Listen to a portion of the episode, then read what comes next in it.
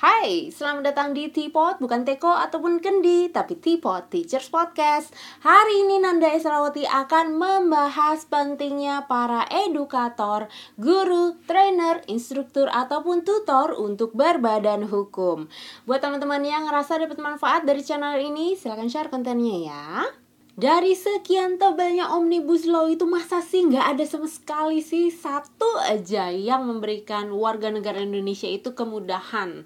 Akhirnya kami cari itu kami pelajarin satu persatu. Akhirnya dapet dong yang namanya PT Perorangan. Jadi ini bisa jadi salah satu kendaraan buat warga negara Indonesia saat video ini direkam, PNBP-nya masih 50.000 saja saudara dan pajaknya juga kurang lebih sama dengan Badan Hukum CV. Ya emang sih PT Perorangan ini kayaknya kurang sosialisasi atau memang kurang terdengar di masyarakat. Mungkin isi-isi dari pasal-pasal Omnibus Law yang lainnya yang lebih penting untuk disuarakan. Jadi mungkin yang kayak gitu yang lebih terdengar dan PT Perorangan ini agak kurang sosialisasinya terutama kalau misalkan teman-teman yang udah bikin badan usaha PT Perorangan dan coba buat bikin rekening bank.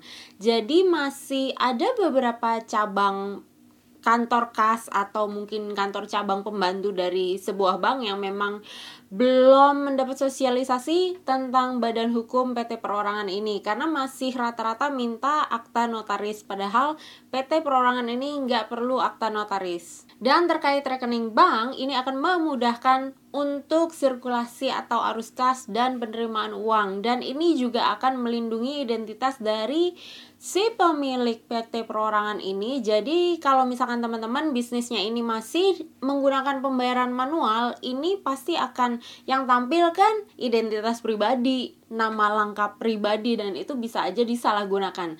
Tapi kalau misalkan teman-teman udah buat PT perorangan berarti kan penerimaan uang sudah bisa langsung dengan menggunakan rekening bank atas nama PT perorangan tersebut.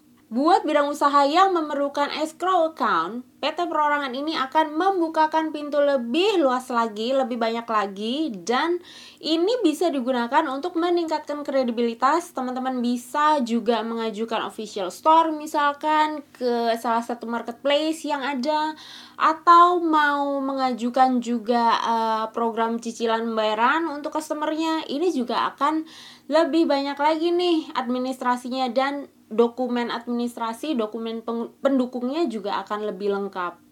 Pelajaran penting dari gue yang statusnya jendes buat teman-teman perempuan Indonesia yang masih belum menikah atau belum menikah lagi. Lagu juga dong. Buat perempuan yang masih single belum nikah, semua kendaraan, rumah, apartemen, toko, ruko, aset semuanya beli atas nama PT Perorangan ya. Mm-mm. Jadi semua aset dan keuangannya ini memang terpisah dari kita yang statusnya orang pribadi. Bahkan ya perjanjian kerja dengan perusahaan tempat teman-teman bekerja sekarang ini ada baiknya juga kalau bisa diubah jadi MOU C2C company to company atau B2B business to business dengan perusahaan PT perorangannya teman-teman masing-masing. Jadi statusnya ini akan menjadi kontraktor yang memang terlepas dari melodrama berikut ini. Yang pertama adalah melodrama prenuptial agreement perjanjian pernikah lalala ulala.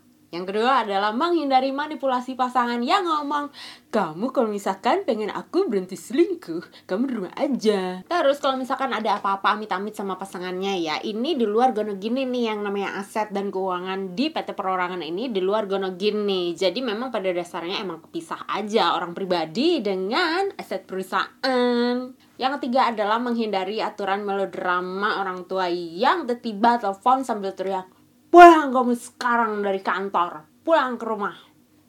Yang terakhir adalah buat kalian yang kemarin-kemarin dibokisin sama HRD perusahaannya. Aduh, gimana ya kita lagi perkara misrana gimana? Zaman lagi susah dan jadi semua tunjangan BPJS ketenaga kerjaan BPJS kesehatan yang entahlah itu ya kan? Bayar aja sendiri pakai atas nama PT perorangannya. Sebagai direktur PT perorangannya. Walaupun milik sendiri tapi seenggaknya BPJS-nya dibayarin kan? Tertib kan? Ya kan? Mm -mm. Berikut ini website yang bisa teman-teman kunjungi buat mendirikan PT Perorangan. Yang pertama adalah ahu.go.id, yang kedua adalah oss.go.id, dan yang ketiga adalah pajak.go.id. Website lainnya tergantung bidang usahanya teman-teman masing-masing. Jadi Badan Hukum PT Perorangan ini akan membantu para edukator yang mau membuka usaha kursus privat kek atau juga homeschooling atau juga tutor online atau memang untuk para edukator yang membuka online course, ini akan jauh lebih memudahkan. Buat teman-teman edukator yang berminat, silahkan langsung kunjungi tpot.alfayrika.education karena kami punya kelas khusus untuk memulai bisnis online course atau kursus online. Dengan berbadan hukum, berarti ini akan membukakan pintu lebih banyak lagi buat para edukator untuk meluaskan akses platform atau payment gateway. Dengan berbadan hukum juga akan membukakan pintu lebih banyak lagi buat teman-teman edukator yang ingin mengurus perizinan tambahan lainnya sebagai pengajar. Oke, segitu dulu video kita kali ini. See you next time.